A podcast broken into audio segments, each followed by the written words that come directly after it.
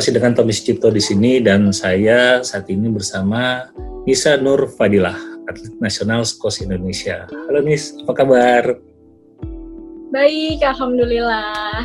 Terima kasih ya udah ngeluangin waktunya untuk ngobrol sama saya buat ya konten YouTube dan juga podcast. Oke, okay. Nis, uh, sudah berapa lama sih kenal cabang olahraga squash? Iya, aku mulai squash itu dari SMP, dari kelas 1 SMP. Berarti kenal nggak nggak uh, squash itu SMP itu baru mulai latihan apa benar-benar kenal tuh? Baru mulai latihan. Baru mulai latihan. Kalau tahu iya, olahraganya ya, sendiri? intensifnya. Kalau tahu olahraganya dari abi aku. Oh iya? Emang Abi atlet ya. juga? Iya dulu atlet nasional, terus oh. ya jadi pelatih, jadi aku kenal squash. Like father, like daughter. nah, uh, itu waktu SMP siapa yang pertama kali kendalin uh, squash ini? Abi atau memang guru di SMP atau apa? Memang dari Abi. Dari Abi ya, berarti ya? Iya. Luar biasa berarti Abi mengenalin ini luar biasa sampai anaknya tertarik. iya. Squash itu ada gak sih kayak klub-klubnya kan kalau kayak volley ada klub ya Bandung Tektona lah, ada apalah kalau kalau bola juga SSB-nya ada. Kalau squash itu ada klubnya gak sih? Ada di Jakarta ada. Di Jakarta ada ya. Nah, uh, Nisa ini pernah ikut klub gak? Salah satu klub dari itu, dari klub squash itu? Ya, aku ikut klub Sentrum namanya. Sentrum, di mana tuh, Nis? Di Rawamangun di Romangun iya jangan di Velodrome itu ya di, iya di Velodrome oh iya pernah ngeliat lapangannya sih nah itu pertama kali masuk klub ingat gak nih itu kapan tahun berapa apa tadi nama klubnya? Ya semenjak Sentrum. Sentrum ya. Nah ingat ya. gak tuh uh, tahun berapa masuk klub Sentrum itu tuh? Uh, masuknya itu kelas 1 SMP itu. Berarti oh, pas 2013 SMP ya. 2013 ya. 2013. 2013 ya. Nah, uh, itu kan SMP ya, tapi kalau olahraga pertama kali nih yang bisa gelutin sebelum skos ada gak sih? Uh, kan biasa, ada. Jadi emang emang langsung biasa. skos. Langsung skos ya? Iya. Oh, Oke. Okay. Nah kadang-kadang kan ada saya pernah ngobrol nih sama atlet dia dulunya uh, atlet atletik terus pindah ke panjat tebing gitu kan. Malah ada dari panjat tebing atletik balik lagi panjat tebing gitu kan. Nah berarti kalau Nisa memang dari awal bener-bener ya uh, langsung squash ya untuk cabang olahraga yang digeluti. Nah itu kan 2013 masih ingat nggak pertama kali masuk pelatnas itu kapan? Ya, ikut pelatnas itu tahun 2017 waktu SEA Games Kuala Lumpur. SEA Games Kuala Lumpur itu pertama kali.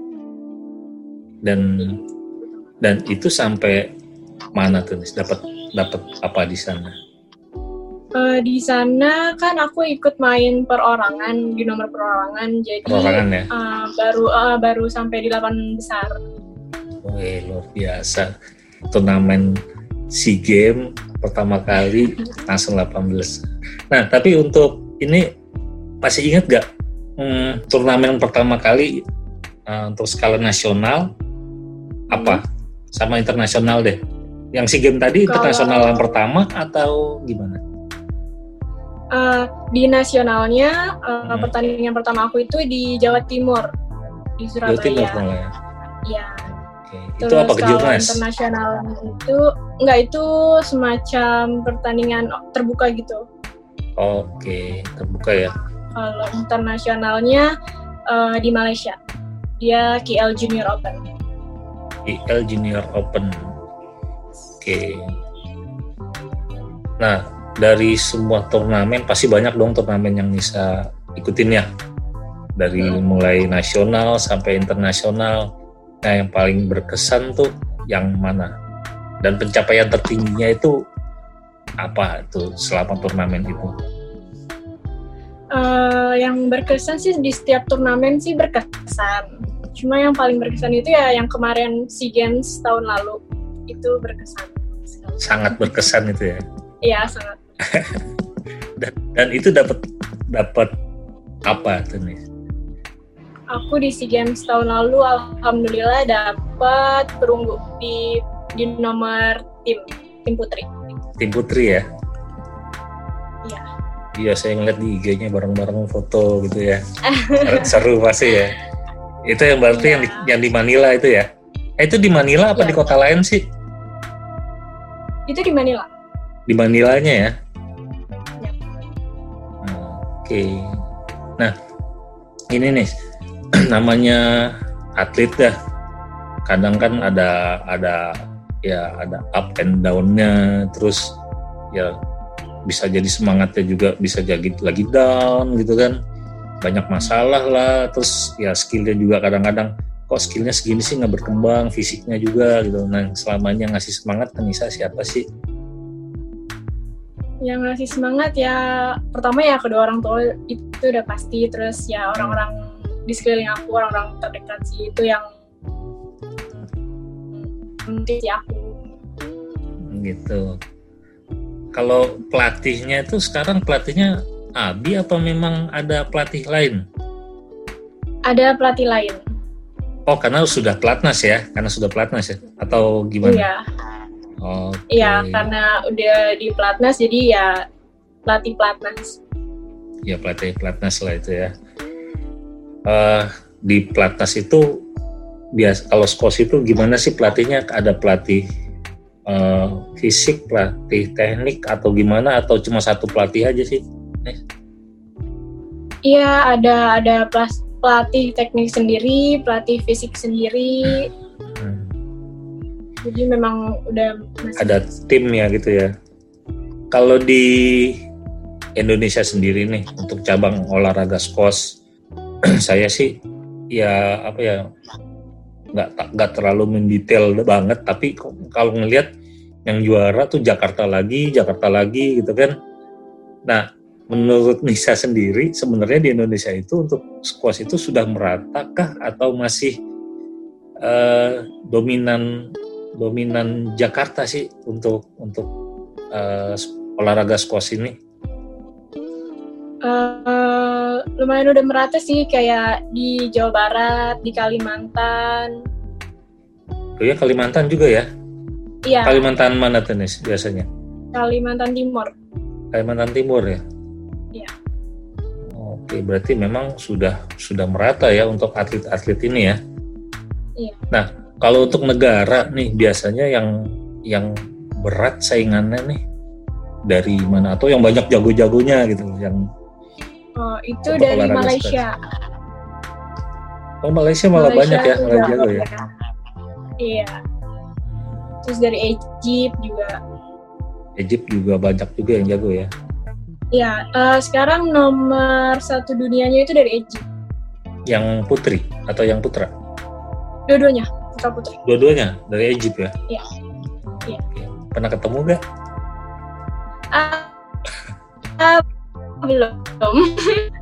belum pernah ya? Nah, uh -uh. oke okay, untuk gini nih, uh, saya nggak tahu lah mungkin ya orang Kemenpora bisa jadi ngeliat video ini kan. Nah, harapan-harapan Nisa sendiri nih untuk squash Indonesia kayak apa sih?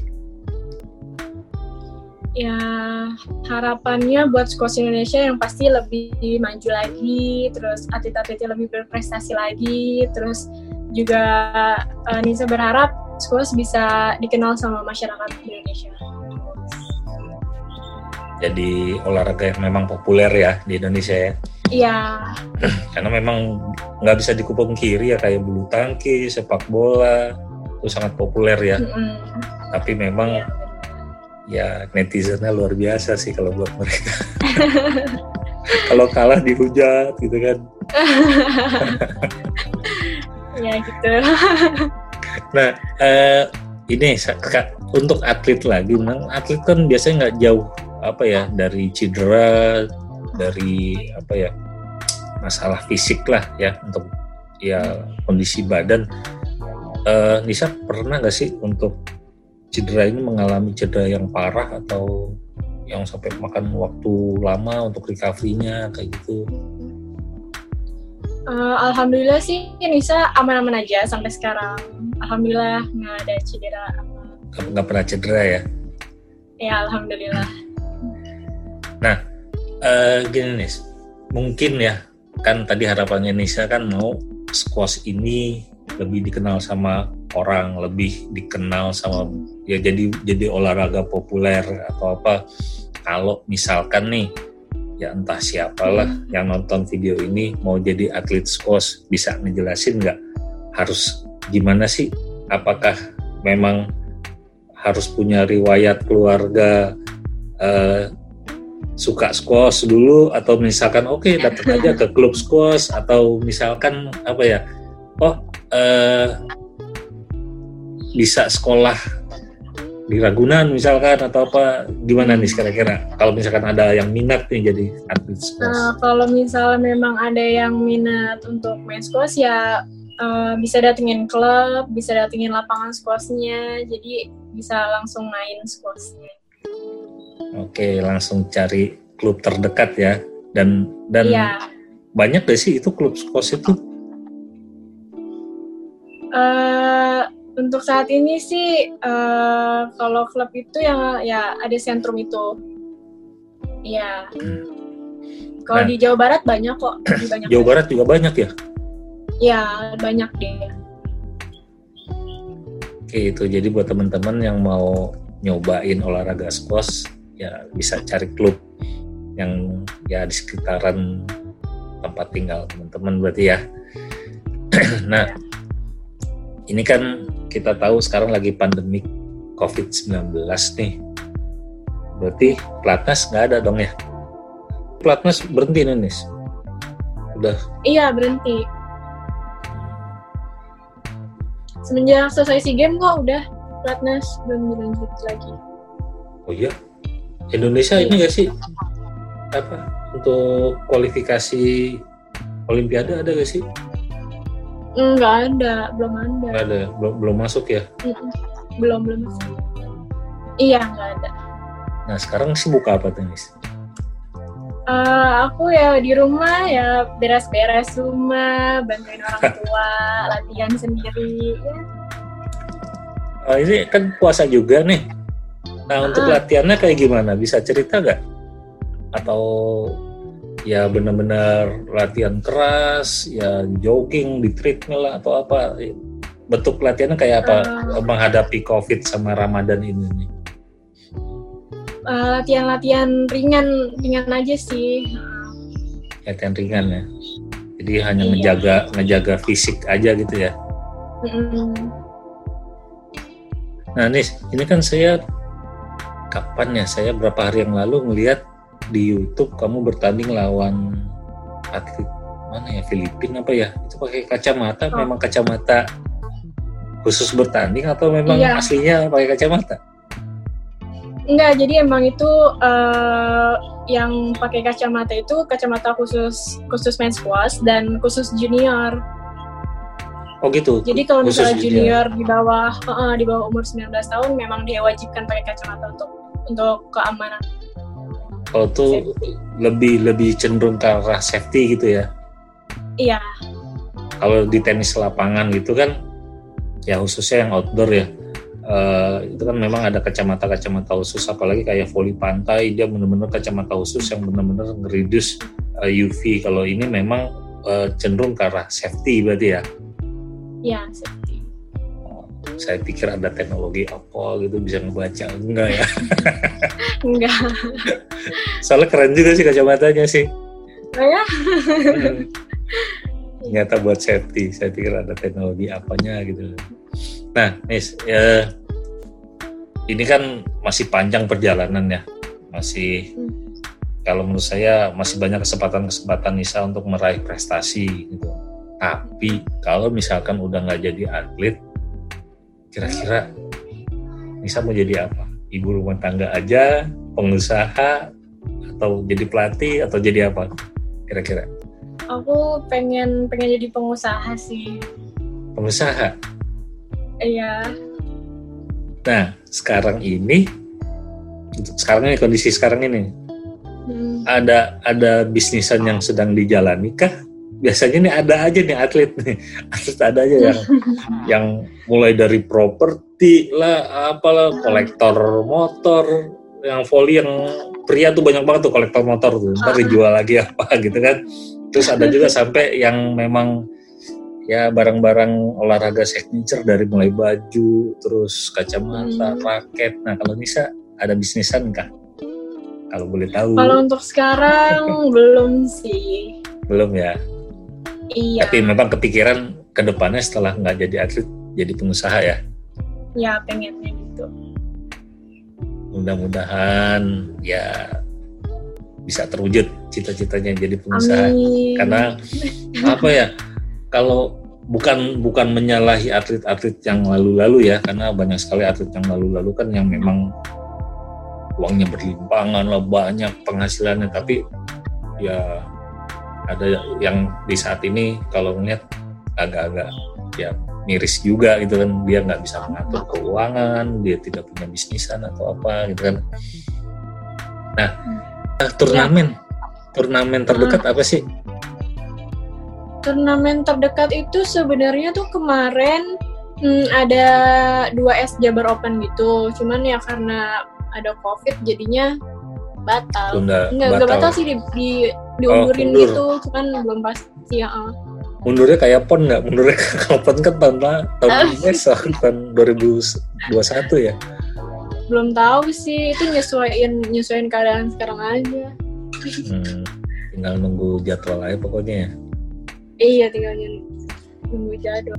ini di luar dari atlet nih mungkin kan saya tahu nih kan YouTube saya podcast saya kadang bahas masalah kuliner masalah eh, wisata atau apa nah saya mau nanya pribadi nih ke Nisa nih kuliner Hmm. kesukaan Nisa apa nih Nis? Kuliner eh, karena emang aku orangnya suka makan, jadi suka makanan apa aja. Wah boleh dong nih kalau nggak pandemi gini kita bikin konten makan bareng Boleh. tapi dari semua makanan nih yang paling Nisa suka tuh apa nih? Aku suka makan bakso. bakso.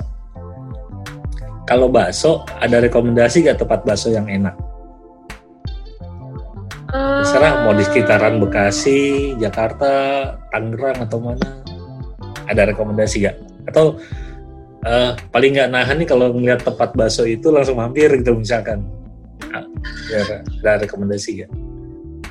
eh, ada sih, tapi di dekat rumah Oh gitu. aku bakso Wonogiri gitu. Wonogiri. Iya. Wah, ketua komunitasnya saya kenal tuh Pak Slamet. Ya. Iya. Oke, itu kalau kuliner ya. Nah kalau wisata, wisata itu eh, nggak usah keluar negeri deh. Saya mungkin kan atlet seringnya keluar negeri. Oh sana bagus, ini bagus. Nah kalau di Indonesia, Nisa lebih suka wisata ke mana? Aku suka ke pantai sih. Pantai. Pantai mana nih yang bagus? Banyuwangi, Um, aku sih Bali? lagi Lombok. penasaran pengen pengen ke Lombok. Aku belum pernah ke Lombok soalnya. Oh ya? Iya. Wah, atlet volley, atlet panjat tebing, atletik, itu banyak orang Lombok. Oh, Iya. Kenapa penasaran sama Lombok? iya kan ngelihatnya indah aja gitu pantainya, jadi pengen situ. Pengen ke sana ya. Nah, kalau Iya. kalau luar negeri. Ya selama ini yang pernah didatengin yang paling berkesan apa dan mau misalkan oh mau ke mana gitu loh. Eh, yang paling berkesan sih di Singapura sih. Aku seneng di Singapura. Singapura ya? Singapura Iya. kenapa? Bersih kah? Iya bersih, terus eh, tertib kan, nyaman lah di sana. Naik eskalator harus kiri kalau berhenti ya. Iya, Kalau di sini kan di Indonesia mau ber, pokoknya kalau kita berhenti mau Iya. kanan, mau kiri, mau tengah, pokoknya bisa berhenti ya. Kalau di sana ya diseruduk orang langsung. iya, benar. Oke. Nah, untuk apa ya? Kalau kalau misalkan ke Singapura eh favoritnya di mana nih? Ada nggak tempat itu? Tempat favoritnya kalau ke Singapura? Tempat Kan ada- favoritnya, eh Merlion, ada apalah banyak kan di sana. Apa semua Iya. sudutnya memang suka? Aku suka ya di Merlion Park sih, kayak duduk-duduk santai. Ya karena kan ada undakan-undakan itu ya. Iya, Ya sayangnya lagi pandemi gini susah jalan-jalan ya. iya benar. Aduh. Nah, eh, Nis eh, terkait dengan pengusaha tadi, kira-kira nih kebayang nggak mau usaha apa Nis? Aku pengen pengen usaha kayak buka Fashion, baju sport apa? gitu, jual-jual baju sport. Oh karena fashion ya berarti ya? Ke baju sport gitu berarti Iya. ya? Oke. Emang sih eh apa ya komunitasnya tuh memang fanatik sih ya kalau saya bilang ya baju sport itu ya. Kadang harga berapapun dibeli. Iya. Eh, sense bisnisnya bagus banget nih. Ini, ini kita sebenarnya ini kita ngabuburit ya Nis ya. Bener-bener nunggu maghrib ah. buka puasa. Ya untuk eh, Ramadan ini memang unik sekali sih ya. Kita nggak boleh ke mana-mana. Kita bener-bener di rumah aja gitu loh. Nah biasanya nih eh, ritual buka puasa eh, di rumah eh, apa ya, ada makanan khusus kah harus misalkan kan ada rumah siapa harus ada es buah harus ada Hmm. ya apa ya ngikutin sunnah banget harus ada kurma atau apa nah kalau di rumah Nisa kalau boleh tahu harus ada apa Eh, kalau dibilang harus ada apa sih nggak harus juga cuman ya pasti itu ada es teh manis eh es teh manis ada teh manis hangat sama kurma Nah, sangat. gitu. oke emang sih setelah kena kurma sama teh manis hangat tuh langsung Iya. hilang gitu ya semua benar Denis, eh, terima kasih atas waktunya udah ngobrol-ngobrol sama saya. sama-sama Semoga ya ibadahnya juga dipermudah selama Ramadan ini dan juga apa ya prestasinya juga selalu meningkat terus sampai ke level internasional. amin amin ya Allah Oke, terima kasih Amin. banyak ya Nis ya. Assalamualaikum. Kasih. Waalaikumsalam